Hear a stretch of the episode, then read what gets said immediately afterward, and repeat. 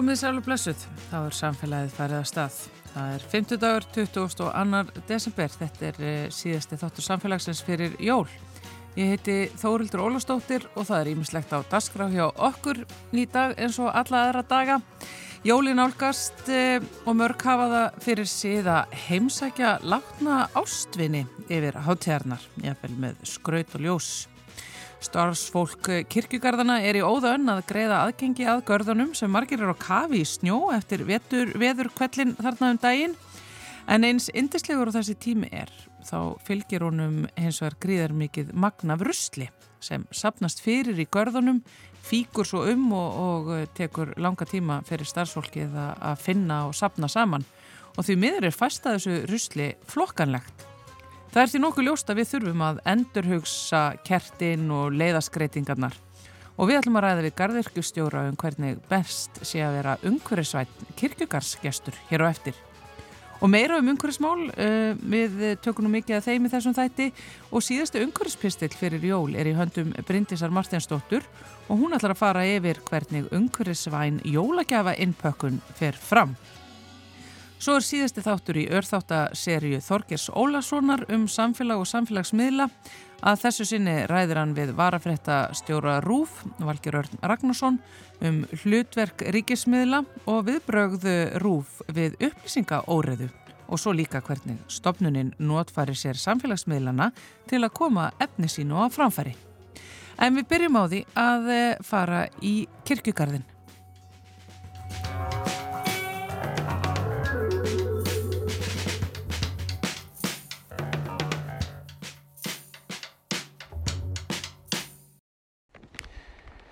Það er fallegu dagur í höfuborginni.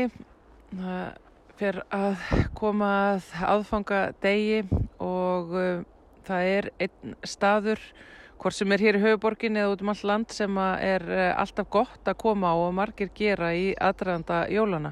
Og það eru kirkjugarðarnir okkar. Ég er sem sagt í Fossvoks kirkjugarði og með mér er Kári Aðalstinsson sem er garðirkjustjóri hjá kirkjugarðum Reykjavíkur. Sælvertu Kári? Sælar. Sko, eitt af því sem að mér langaði til þess að ræða við þig, Kári, er hvernig þið starfsfólkið undirbúið já, þá svona miklu umferð sem að er um garðana yfir hátíðarnar. Það er náttúrulega, fer náttúrulega mikið eftir veðri. Eins og staðinni núna þá hefur við búin að vera síðan á heila lögatarsmorgun að móka og riðja snjóa, reyna að gera garðana færa eftir þetta skot sem kom um helgina. Og ástandið er svona þokkalegt, það er endar mikill snjóri í gorðan og, og sérstaklega inn á gráasöðunum og við höfum náttúrulega ekki, ekki möguleika á að reynsa hverju einasta leiði þannig að, að fólk sem fer í garðana núna næstu dag og um hátíðarnar verður að vera viðbúið því og vel búið það að það er snjór og, sérstaklega í garðanum tveimur hérna í Efribyðum, Guðunis og Kópái það er bara mikill snjór inn á, á gráasöðunum og, ofan á leiðunum og sumstaðar sjástleginn rauninni ekki. Já, þannig að það er í rauninu bara þannig að þú verður að vita hvar ástvinninu þinn liggur, já. rata bara á leiðið uh, af því að það, það er, já, já, ég menna við sjáum það nú bara hérna, það er ekki, það, það eru margir leggsteinar bara fullkólega í kafi. Já, já, það er bara þannig og, og fólk verður bara að gera sér greið fyrir því að, að þetta er skotið skot og það er ekkert, ekki, engar líkur á að það hverju fyrir aðfangandag og mér sé að er það nú jafnvel að spá ykkur snjókum á aðfangandag, þannig að verður bara vel búin og, og undir það búin að það þarf að vaða snjó alveg upp á njám í appi sumstöðar. Sko ég nú hugsa bara af því að það er alltaf svo fallegt og indislegt og, og rólegt að vera svona í kirkigörðum og hann er alveg einstaklega fallegur svona á, á kafi í snjó. Ég verði eiginlega að segja bara svona fagufræðilega er alveg sérstaklega kyrlátt og fagurt hérna yfir að líta. Já, já, þetta er náttúrulega dásanlegt veður eins og í dag og, og hérna og það er bara virkilega hérna gaman að horfa á gardana og ljósinu það sem við náum upp úr snjónum bara príða sérstaklega vel. Mm. það er bara hérna mann hvetur fólk bara að rinja að koma og kíkja og, og, og kíkja og vera kannski búin að ef þeir sem ætla að koma á aðfangardag með fjölskylduna og, og setja greinar að kannski koma undan og móka snjóa aðeins og að komist að leiðin og finni það. Já, þannig að þetta er svona þannig verður vel skóaður, verður vel búinn jafnvel kannski hérna allavega í vettlingum eða með einhverja litla skópluða áhald til þess að móka frá eða allar að gera það og síðan er það náttúrulega sko þeir sem koma ekki gangandi eða hjólandi koma á bílum, geta þeir lagt einhver stað? Já, í flestum görfunum við erum allavega búin að reyðja öll bílastæði og, og höfum svona verið að reyna bara að reynsa burtu þá rauninga sem við getum komið eitthvað annað mm. þannig að, að aðgengi er eins gott eins og við getum bóðið upp á með það snjómakt sem er í görðunum ja. en það eins og ég segi sérstaklega í stóru görðunum starfogarðinum upp í guðunissi þar er ástandið inn á gráðarsanum ekki dóðalega spennandi. Það hefur svolítið borðið á því að fólk hefur verið að reyna að keira inn á gráðarsanum eins og náttúrulega þetta sem er ekki gott og er axtur á gráðarsanum og heimill.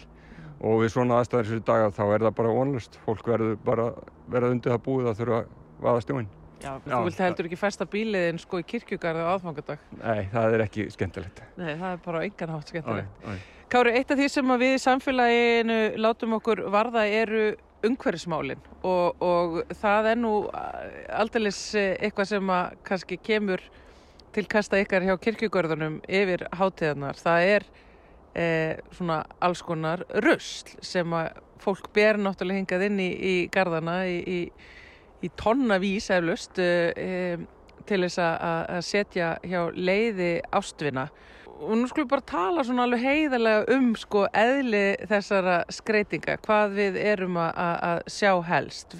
Farðu bara yfir þetta með okkur.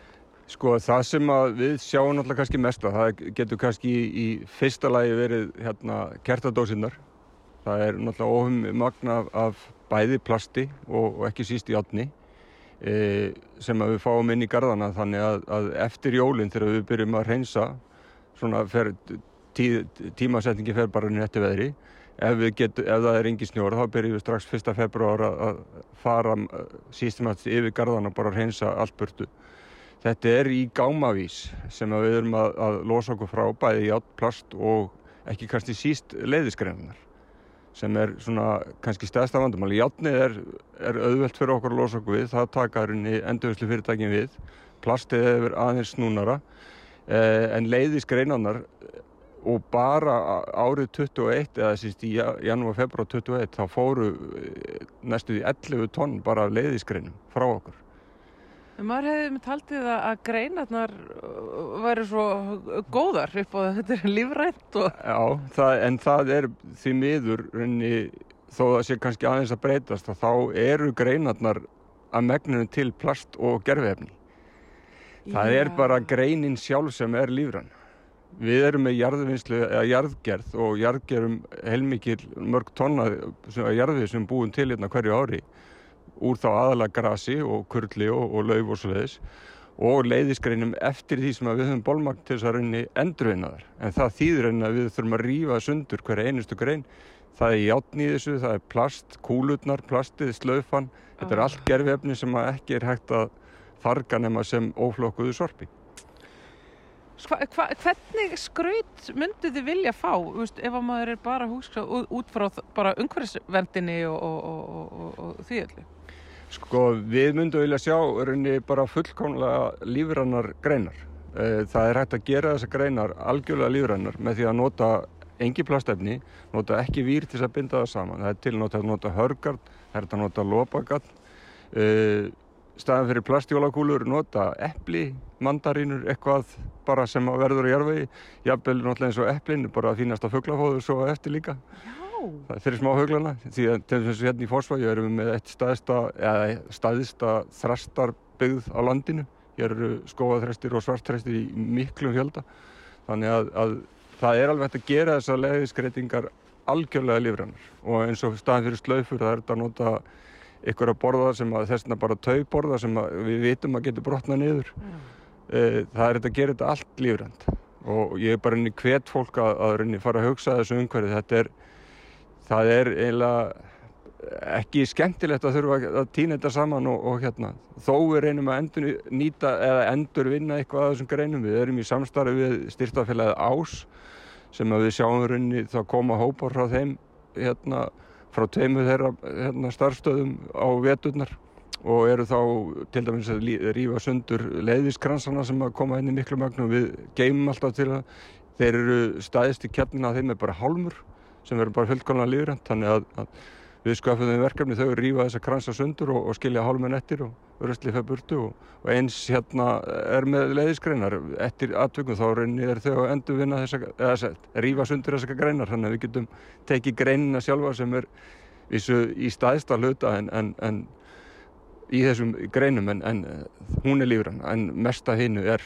allt bara plast í ykkur formi Já, það er sem sagt eh, algjörlega lífræna leiðin, eh, hvað var það þá um þetta greinina, ég heyri það, en, en lifandi ljós, Kári, það er eitthvað sem að fólk er bara með mikið hjarta til að gera. Já. Eh, Hvaða, hvaða ljós, já, hvernig kert eigum við að nota ef við, viljum gera þetta og hvernig eigum við að búa um þau?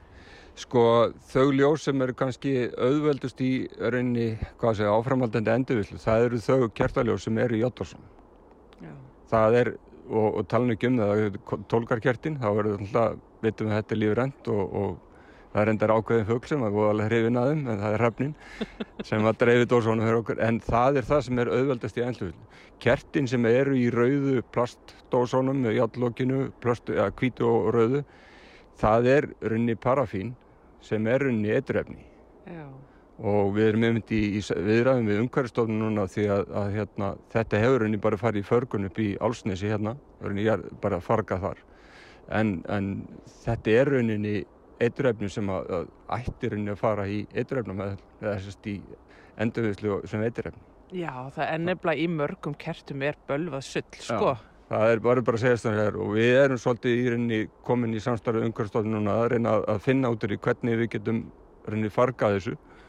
Og, og það verður bara komin ljós hvernig það gengur. En, en plastkertin og allt það sem er plasturinn er orðið bara eitur í okkar augum. Og, og það, ég bara vildi óska að fólk rauninni myndi sinna því svolítið betur að, að fjallaði það sem það kemur með í garðana. Já, þetta kannski ætti að vera einmitt svona hérna, önnur hefð að fara í gardin og taka skreitingarnar af. Já, það mætti gert að vera því að það fer gífuleg orka í okkur sem við vildum vera að sinna öðru verkefnum, sinna gróðurinnum betur og sem fara inn í þessi ruslamál bara heilt yfir í garðanum.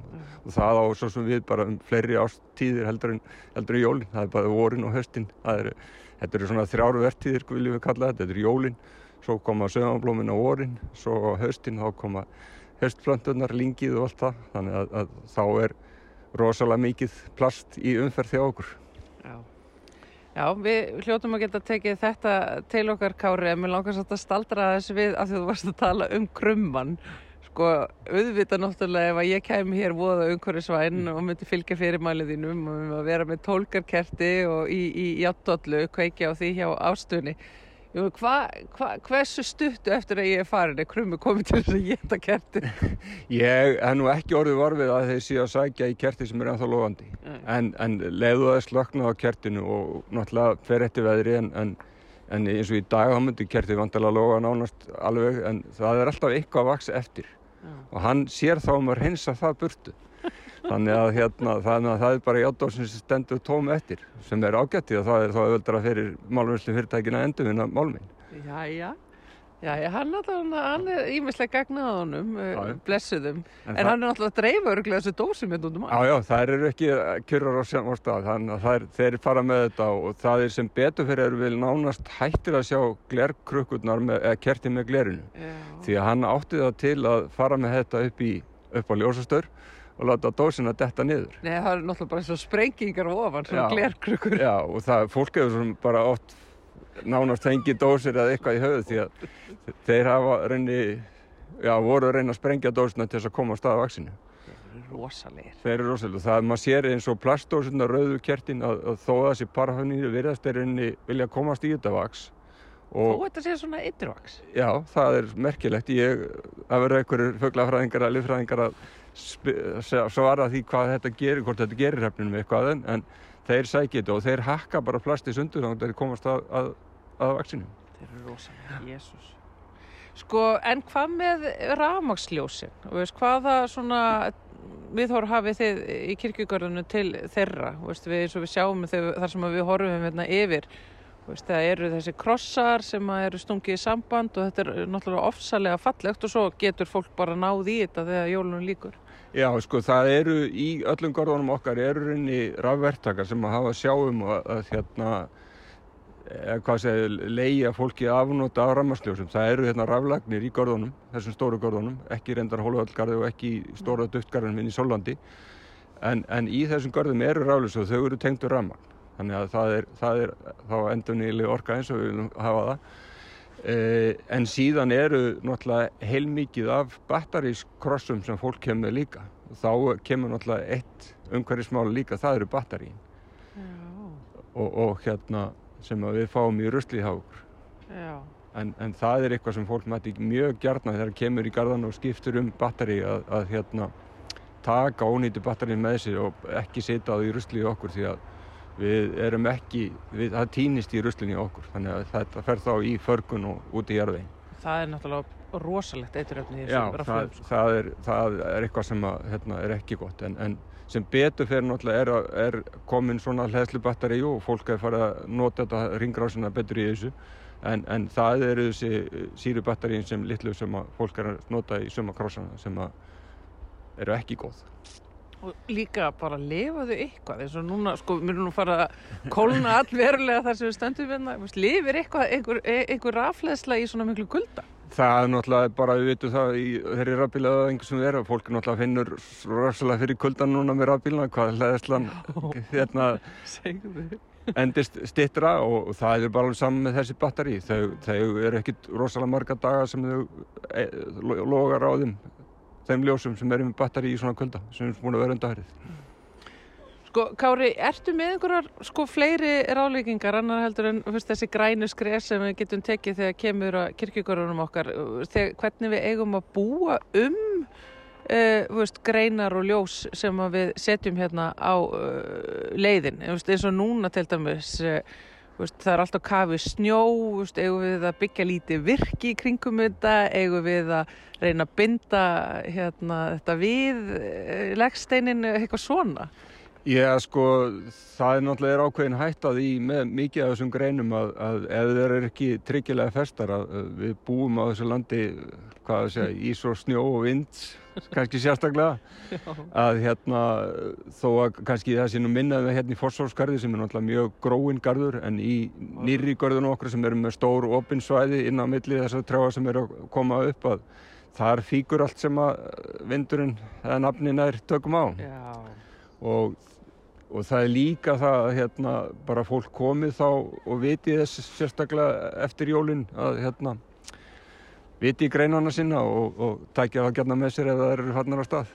Já, þannig að það er svona hreinsunarstarf, hreinsunar ákall til hérna, kirkjugarskjasta svona líka hérna. Já, eins og ég segi það, það myndi létta okkur mikið að fólk raunni syndi því að, að taka eitthvað að þessu tilbakatur og sérstaklega að fólk er með greina sem það er að reyna að nota ár eftir ár, vera tímalega á ferðinni. Við förum aldrei á stað fyrir 1. februar, það er svona svo dagsefning sem við miðum við, svo fer það náttúrulega eftir bara aðstæðum og, og færð. Ef það er mikill snjóður þá náttúrulega getum við látum við þetta bara liggja. Það hefur alveg komið fyrir það þessi komið alveg nánast fram á voru að við förum í þetta. Þá er það bara tekið með átækið þegar við fáum sumakrakkan okkar inn. Já, já, ég sé að það eru konu gestur í gardin og þau eru bara með sko, þau eru með skoblu og, og svona hérna sköfur og bílsköfur og þetta er nú bara, verðist nú vera bara svona stoltur svona hugulega og fallega fjölskyldustund. Móka frá leiði ástuna og, og, og koma Ég held að séu með lifandi kerti, ég held ekki, ekki plasti. Það er, já þetta er, þetta er maður tekur eftir í hérna, að, að fólk hefur verið að koma hérna, ég byrjum snemma á mótni, sko, stór fjölskyttuhópur, komað að leiði, vantilega að ná eftir ekki að fóreldraði eitthvað svo leiðis og hérna, það er sópað og mókað og svo er staðið hérna og, og, og kveikt á kerti og greini sett á sinn stað og allt það og þetta er, voru rosalega skemmtilegt að horfa á þetta en, en eins og ég bara hvet þá sem sérstaklega hægt að nýta sér aðfangadega þetta þá er náttúrulega rosalega mikil trafík í gardinum mm. og við hefum gert það núna síðastlega fjögur ár hérna að við lókum fórsóskarðið algjörlega fyrir umferð milli 11 og 2 á daginn Já. yfir aðfangadag þá er bara, þá far ingin bíl að fara niður í gardin Já. E, það var hérna áður fyrir, þá var henni leitt bílum með hérna, sem við varum með hreyfihöfnun eitthvað svo leiðis en við tókum þessu ákvörðin eins og fyrir enni fimm áru síðan og og okkur hefur líka þetta vel, það verður alltaf þessi stemming í gardinum þegar bílarnir er ekkert staðar. Þannig að þeir sem að þurfa að nýta sér bíl til þess að komast í gardina þeir hafa tímabilið fyrir 11 og, og eftir klukkan 2 á aðfangata til þess að fara í gardin þá opnum við gardin og, og okkar starfsfólk bara reynir bakkar og fer inn í jóla undirbúið jólun heima hjá sér og, en, en eins og segi, þetta er rosalega fallegt þegar fólk er að koma og segja þessi heilu fjölskyldun að koma og, og koma saman jafnvel með kakó og eitthvað með sér. Já. kakó og smákökur. Kirkjugarðar eru líka bara alveg einstakur staður. Veist, það er bara kraftur í gangi hérna. Já, já, ég vil nú segja það bara við um tölum nóttum en staðskilið, þetta er ákveðin forréttind að fá að vinna á svona stað. Þetta er bara gaman og gefandi og þó getur stundum verið strempið og mikið að gera en, en þetta er bara skemmtilegt Kári Aðalsteinsson, garðirkjustjóri hjá Kirkjugörðum Reykjavíkur. Eh, Takk hérlega fyrir spjallið og að ganga hérna með mér inn í þennan fallega garð hér í Fossói. En uh, mér er orðið tölverk allt, þannig að ég ætla að segja takk fyrir og gleðileg jól. Takk svo með leiðis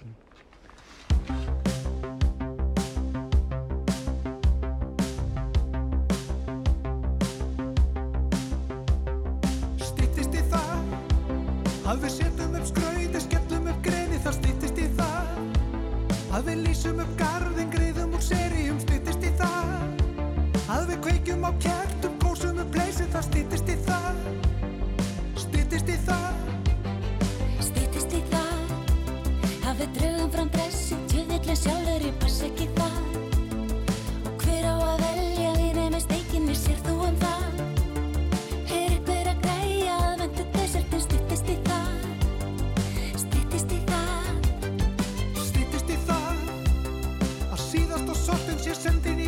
það stýttist í það að við reynum að redda restin af gjöfunum, stýttist í það að við skrúpum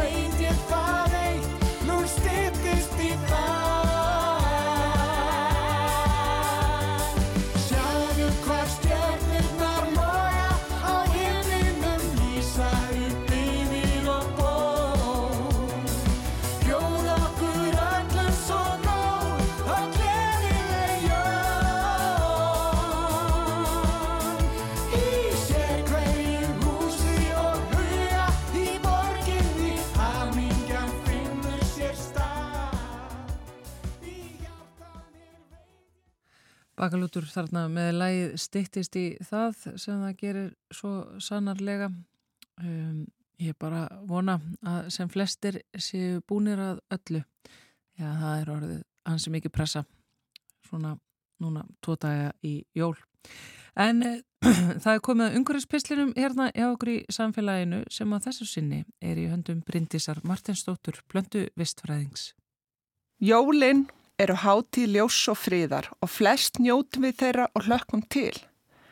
En þau eru einnig hátíð mikillar og stundum óþarfrar neyslu. Við getum gert ímislegt til að draga úr sóun og neyslu yfir hátíðarnar í undirbúningnum með vali okkar á jólagjöfum, jólamat og jólafötum og á hátíðinni sjálfri með því að skapa hefðir sem gera jólin umhverfisvætni. Í þessum jóla umhverfis pistli langar mig til að segja ykkur frá tveimur, einföldum en áhrifaríkum hefðum sem skapast hafa mínu heimili senust árin. Hefðum sem hafa það markmiði að gera jólin aðeins umhverfisvætni og skemmtilegri. Seinustu árin hefur skapast svo hefð á mínu heimili að fara vel með jólapappirinn, taka hægt utan á pökkunum og reyna hann á pappirnum sem hellegustum af til að hægt sé að nýta hann aftur. Heillegur jólapappir er brotin saman og gemdur með jólaskrautinu og sami pappirinn er notaður ár eftir ár. Mamma, það er gaman að reyna að hugsa vel um jólapappirinn. Þá þarf ég að taka hægt utan á pökkunum og vanda mig. Þá er ég spennt aðeins lengur, sagði eitt batni við mig um daginn þegar við vorum að sækja jóladótið á háaloftið og kassir með notaða jólapappinum kom niður. Auðvitað kemur fyrir að við verðum á spennt og rýfum pappirinn. En það er ótrúlegt hversu mikið er hægt að endunýta. Jólagjafapokarnir endast best. Þá er hægt að nota aftur og aftur og aftur. Ég veit dæmi um vinkonur sem hafa gefið hver annar í jólagjöf í sömu tveimur jólagjafapokunum í meirinn tíu ár. Þetta eru bara pokar sem fara á milli á hverju ári. Ég er enn að nýta jólapoka sem börnin mín teiknuð á og gáfu okkur foreldrunum jólagjöfina í fyrir meirinn fimm árum. Þessir pokar veki alltaf jafnmikla káttínu um hver jól. Þótt þið eigið ekki gamlan jólapapir eða jólapoka er samt ímislegt til á heimilinu sem hægt er að nýta eins og pappirspokar, skókassar eða kassar utan af góstósum.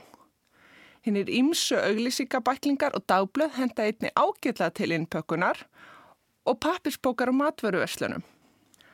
Ég sá einmitt að í hverfisversluninu minni var hægt að köpa jólapoka undir matvöruna í stað hefðbundis pappirspoka. Það er svo auðvelt að gera brúnu pókana jólalega á einfaldan hátt með því að líma þá bútur jólapapir, jólauglusingur dagblaði eða jólatekninga batnana.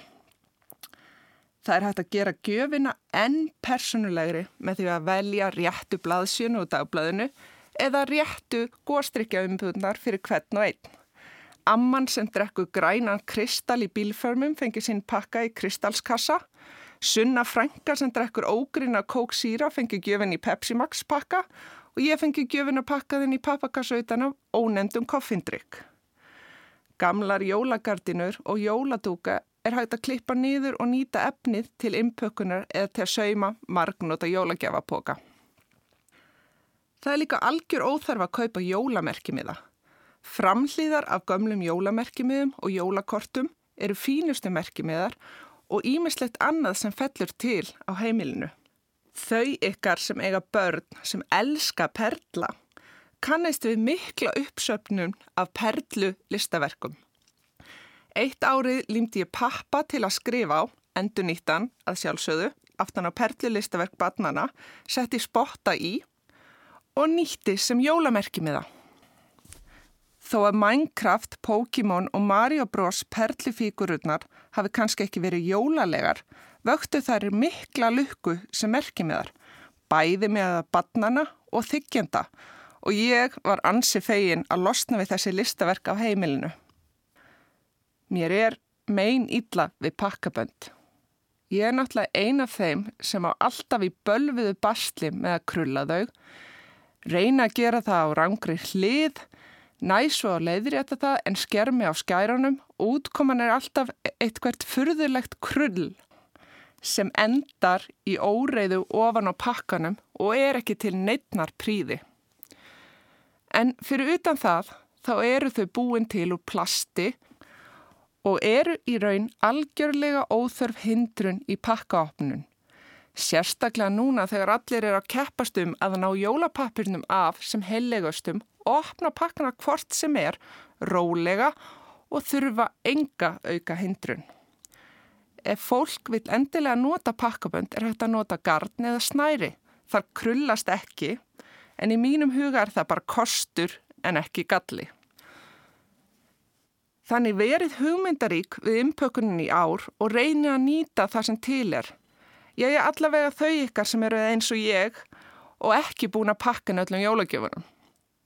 Ef það tekst ekki þessi jól, undirbúið þá næst jól með því að taka hægt utan á jólapökkunum og geima pappirinn til næsta árs. Ég lofa því að þetta er lítið mál. Þegar við opnum pakkan á aðfangadagskvöld erum við með þrjá póka hjá okkur. Í fyrsta pókan fer allt plast sem fellir til, svo sem pakkabönd og plastumbúður utan leikfungum. Í pókan nummið tvö fyrir allur pappi sem fellir til, svo sem jólapappirinn sem var rifin í tætlur eða var það lélugur að ekki er hægt að nýta hann aftur. Pappaumbúður og miðar. Í þrýðja pókan fer það sem hægt er að endurnýta, jólapappir, framhliðar af jólamerkimiðum og pakkaskraut. Pappapókin er temdur í pappistunnuna, plastpókin í plastununa og endurnýtanlegi pókin fer þanga sem jólaskrautið er gemt og býður næstu jóla. Ég hef ekki kæft jólapappir í mörg ár, bara endur nýtt pappir utan af gjöfum, nýtt jólaefni sem ég hef kæft að netjamörgum eða annan efni við sem fellur til á heimilinu. Það er gott fyrir veskið og umhverfið og síðan verður flóran í jólapökkunum undir trénu mjög fjölbreytt en það eru engir tveir jólapakkar eins. Önnur hefð sem við höfum verið að tilenga okkur er að vera ófemin við að skipta og skila gjöfum sem við sjáum ekki fram á að verði notaðar. Ég verð að viðkjöna að mér fannst þetta svolítið erfitt fyrstu árin. Við viljum ekki vera vannþaklátt og ekki móðga gefanda með því að skila því sem við fengum að gjöf. Vertu þakklátt fyrir það sem þú fjækst er veganest úr barnæskunni. Ég fór samt að hugsa um hversu mikið sóun þetta væri. Gallaböksurnar sem dótti mér fjekk að gjöf og ég vissi að hún myndi aldrei vilja nota kostuði fullt af peningum. Peningum sem frænkaðinnar hafi þurft að nýta tíma sinni í að vinna fyrir. Fyrir utan peningana er umhverfiskostnaður á gallaböksum töru verður. Það þurft að rækta bómul til að fá ráefni böksunar, nýta orku í að framlega þær og svo þurft að flytja þar yfir hafi til Íslands, svo eitthvað sé nefnt. Með því að geima buksurnar ónotaður inn í skáp eru við að sóa öllum þeim öðlindum sem voru nýttar í framleiðsluna og flutningin. Það græðir engin á því að gallabuksurnar líki ónotaður, nema kannski seljandin sem getur selt meira. Ég er að sjálfsögðu þakklátt fyrir gjöfina og hulsemina á bakviðana, eins og allar aðrar gafir sem ég fæ. En er það ekki meiri virðing við gefandan að tryggja að svo vinna sem lögð var í gefina nýtist, jafnvel þó að það þýði að ég skipti gallaböksunum í íþróttaböksur sem veit að dóttirinn á eftir að nota. Við verðum að sætta okkur við að hversu mikið sem við reynum, hversu sniðug sem við höldum að við séum og hversu vel við teljum okkur þekkja fólk, þá erum við ekki fullkominn. Jólagjafirnar sem við kaupum hitta ekki alltaf í mark, þótt við höldum það. Er þá ekki betra að þeim sé skipt fyrir eitthvað sem verður notað í stað þess að liggja inn í skáp og vera bara tekinn fram þegar gefandin kemur í heimsókn eða þá badnið er pínt til að fara í buksurnar þegar það kíkir í heimsók til þess sem gaf því gjöfina. Hættum að móðgast og látum vita beint eða óbeint að við viljum endilega að gjöf sé skipt ef hún verður ekki notuð og tekur bara skápaplás. Það er ótrúleg sóun að láta hlutina standa óhreyða inn í skáp af óta við að móðka eitthvað. En ég er nokkuð vissum að við getum öll nefnt slíka hluti. Oft fleiri en einn, tvo eða þrjá sem við eigum.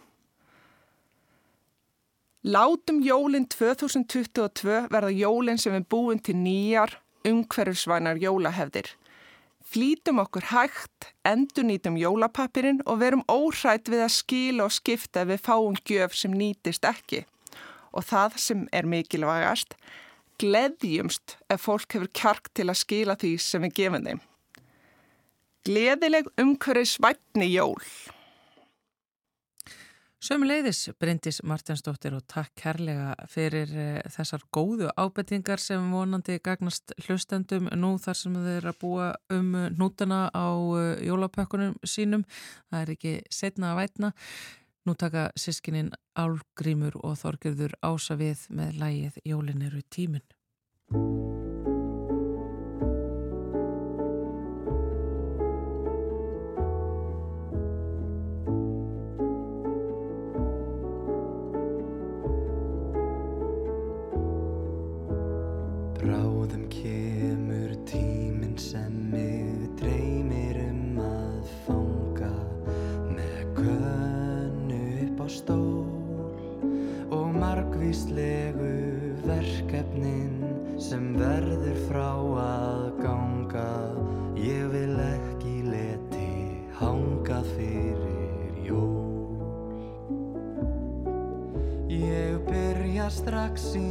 September þá laufa brauðið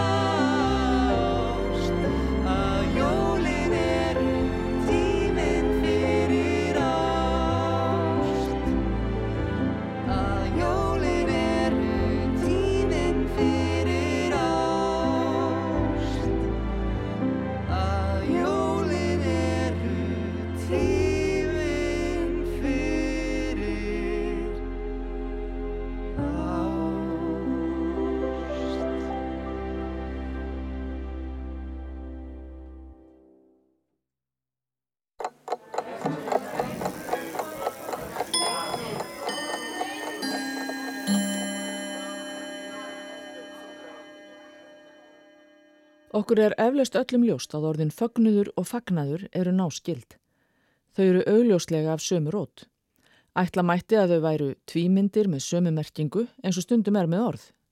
Til dæmis orðin öksi og exi sem eru sömu merkingar og af sama stopni. En það er merkingarmunur á fögnuði og fagnaði. Fögnuður merkir gleði, ánæja, en fagnaður merkir samkoma, mannfagnaður. Þau hafa þannig komið sér upp verkaskiptingu þessi tvö augljóslega skildu orð. Svo er kannski ekki svo mikill merkingar munur á þeim þrátt fyrir allt. Á fagnaði kemur fólk saman til að gleyðjast og jafnvel láta í ljós fögnuð. Fagnaður í merkingunni samkoma er yfirleitt alltaf með jákvæða merkingu.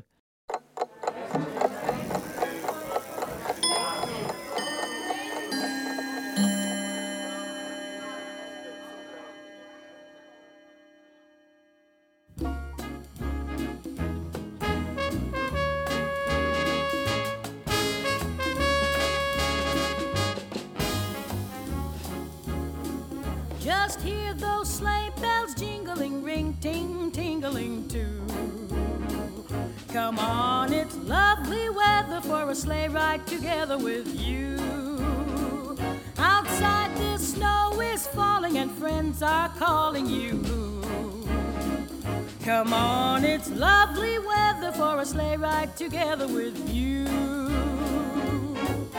Giddy yap, giddy yap, giddy yap, let's go.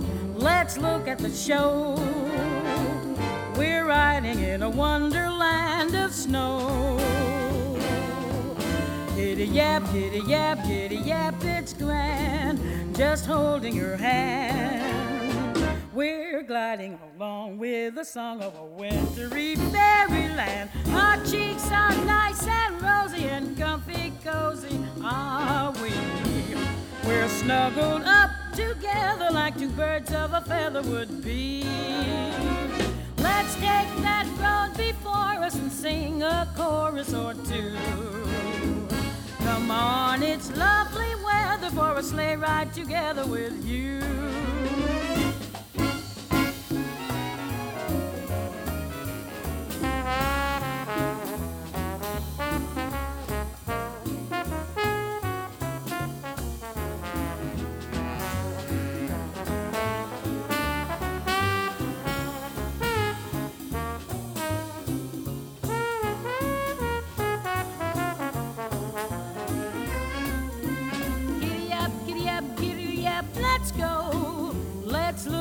Show.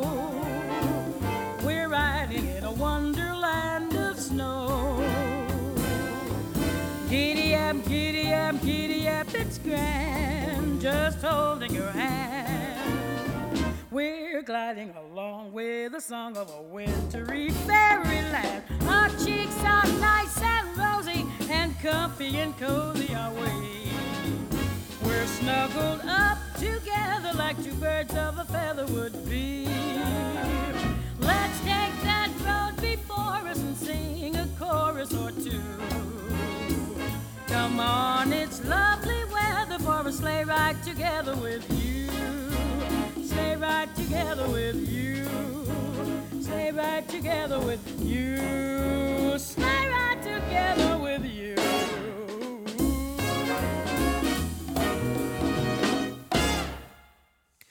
Klassískur jólasmellur Sleirætt þarna fór Ella Fitzgerald eh, höndum um uh, þetta frábara lag. En þá er komið að uh, síðasta þætti í örþáttaserju Þorgers Ólafssonar um samfélag og samfélagsmiðla. Í dag er það hlutverk ríkismiðla og viðbröð rúf við breyttum tímum. Þorger tekur við.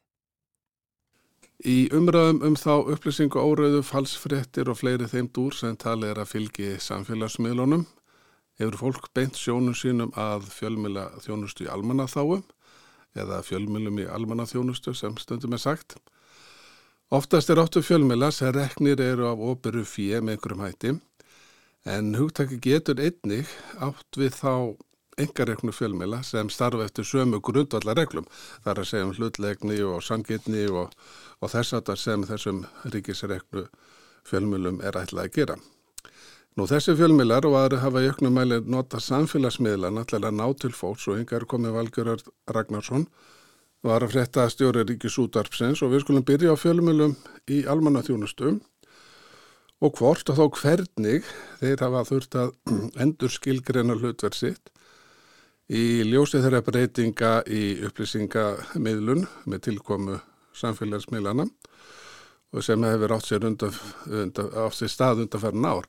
Og það er eiginlega þessi spurning, Valgeir, sko, stöndu við frammi fyrir nýjum veruleika þar að segja fjölmiðlar í alvarna þjónustu núna á þessu nýju tímum? Já, tvímarlust stöndum við frammi fyrir nýjum veruleika. Eh, við held að reyndar að við stöndum alltaf frammi fyrir nýjum veruleika, það er svo hröð þróun í þessu.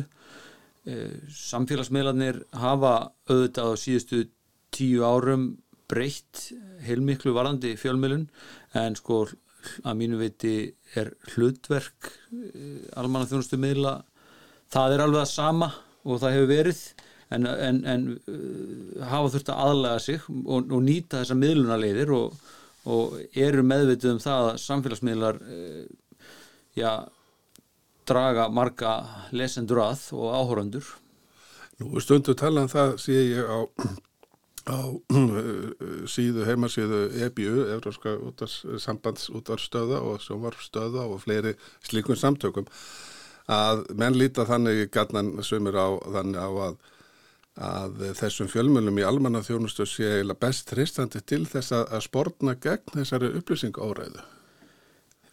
Ég held að það sé eitt af algjörlega líki hlutverkum almanna þjónustu miðla að, að vera sko sá, þeir miðlar sem að fólk getur treyst og það er mjög gleðilegt að sjá það til dæmis með frettastofur úf að, að á sama tíma á tröst hefur heldur verið á niðurleið þá er, er það ekki að gerast með okkur með fréttastofuna, en almennt séði já þá, þá er náttúrulega rosalega mikið í, í gangi, marga rattir, miklu miklu fleiri heldur en fyrir áratug síðan eða hvað þá lengra.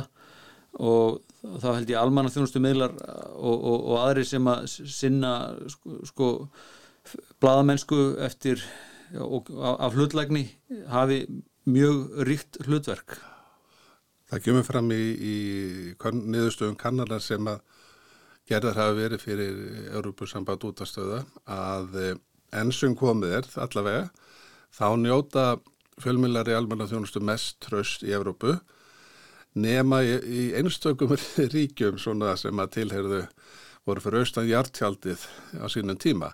En, eh, en það er undatekník þannig að almennt sé þá virðist þetta vera staða sem verðt er að, að standa verðum? Já, tvímara laust. Eh, það er, það er mjög mikilvægt að fólk geti treyst fjölmjölum og, og, og geti vita það að það sem byrtist í þessum fjölmjöli að upplýsingar sem þar, afla, sem þar byrtast þeir eru að aflaða með aðferðum bladamennskunar og, og, og reynda sannreina eftir besta megni það skiptir auðvitað öllu máli og ekki bara að fólk vitið að fólk hafi þá tilfinningu að geti treyst miðlinum. Jafnvel þó þessi stundum ósambalónum eða finnist hann pyrrandi eða hvernig það getur verið. Já, já. Nú við skulum snú okkur að e, því þá hvernig e, fjölmiðlari almanna þjónustu hafa nýtt sér e, samfélagsmiðlan og hvort að það sé hvort að það sé að finna góða eða ekki.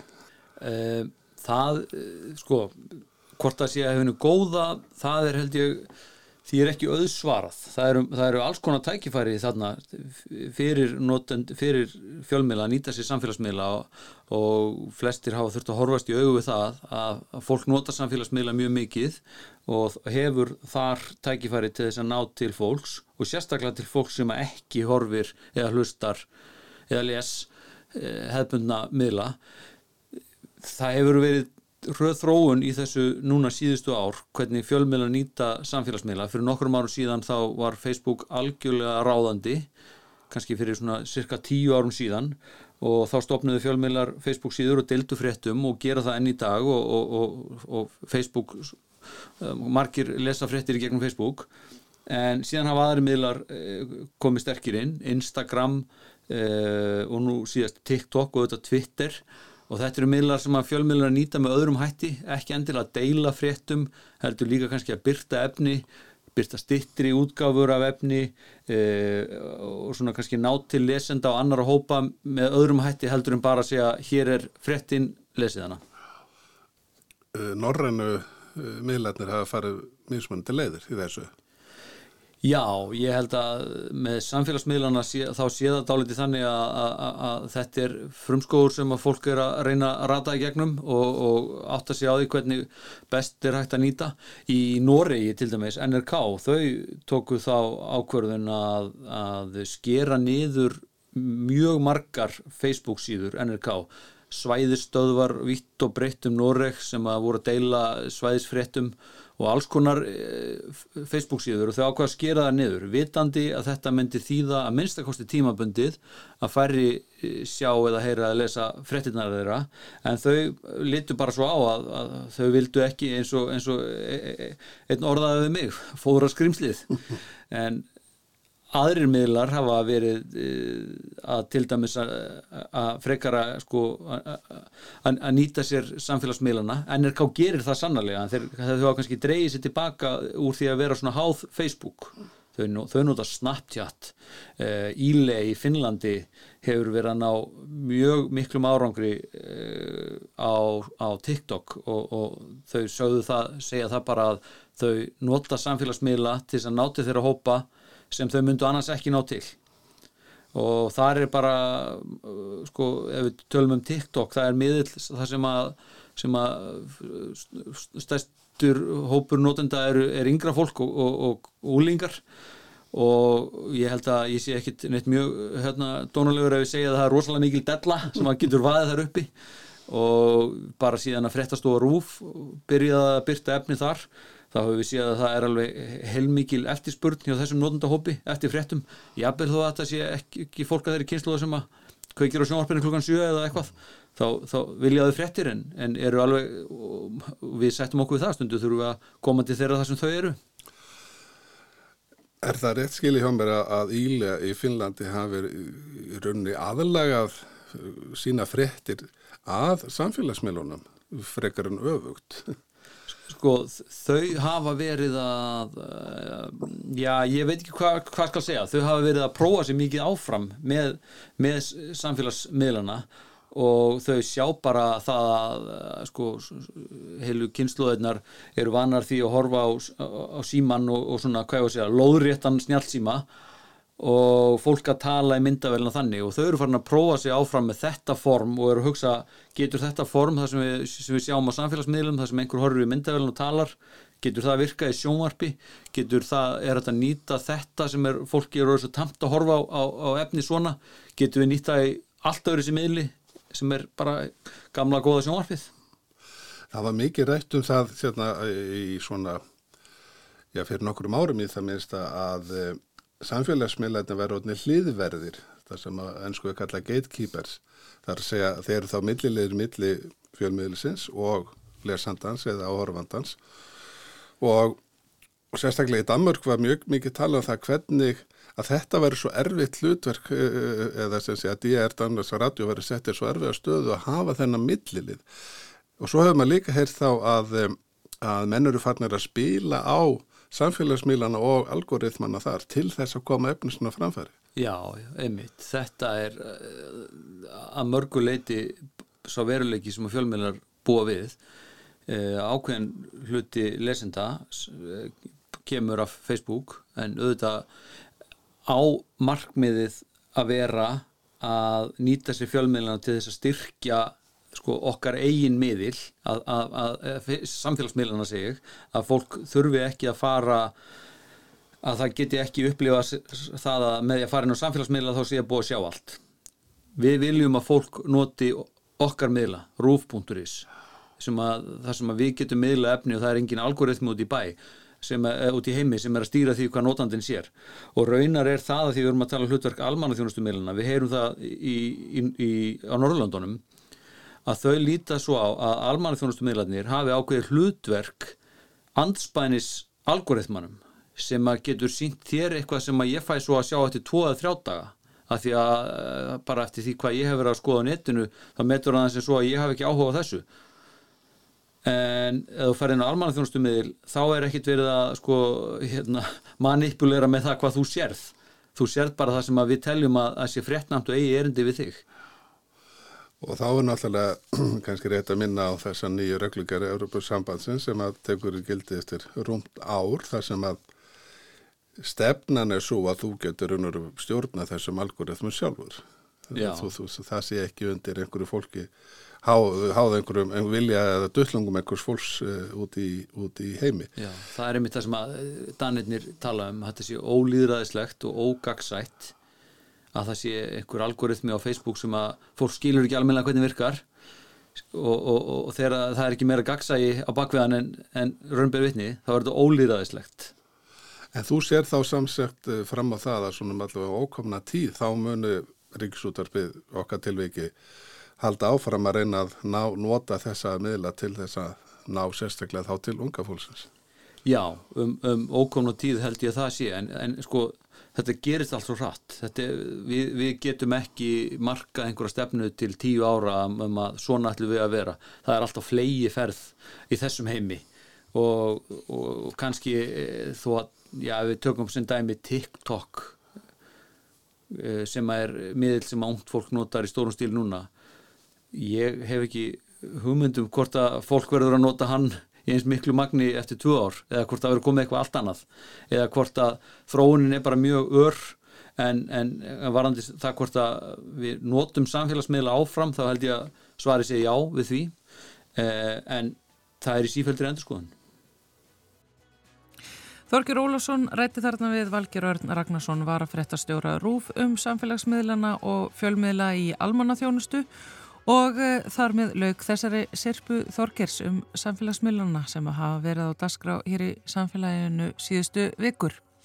Og með því líkur líka þætti dagsins, þetta er sá síðasti fyrir jól og við í samfélaginu segjum gleðli jól, kæru hlustendur. Ég heiti Þórildur Ólustóttir, veriði sæl.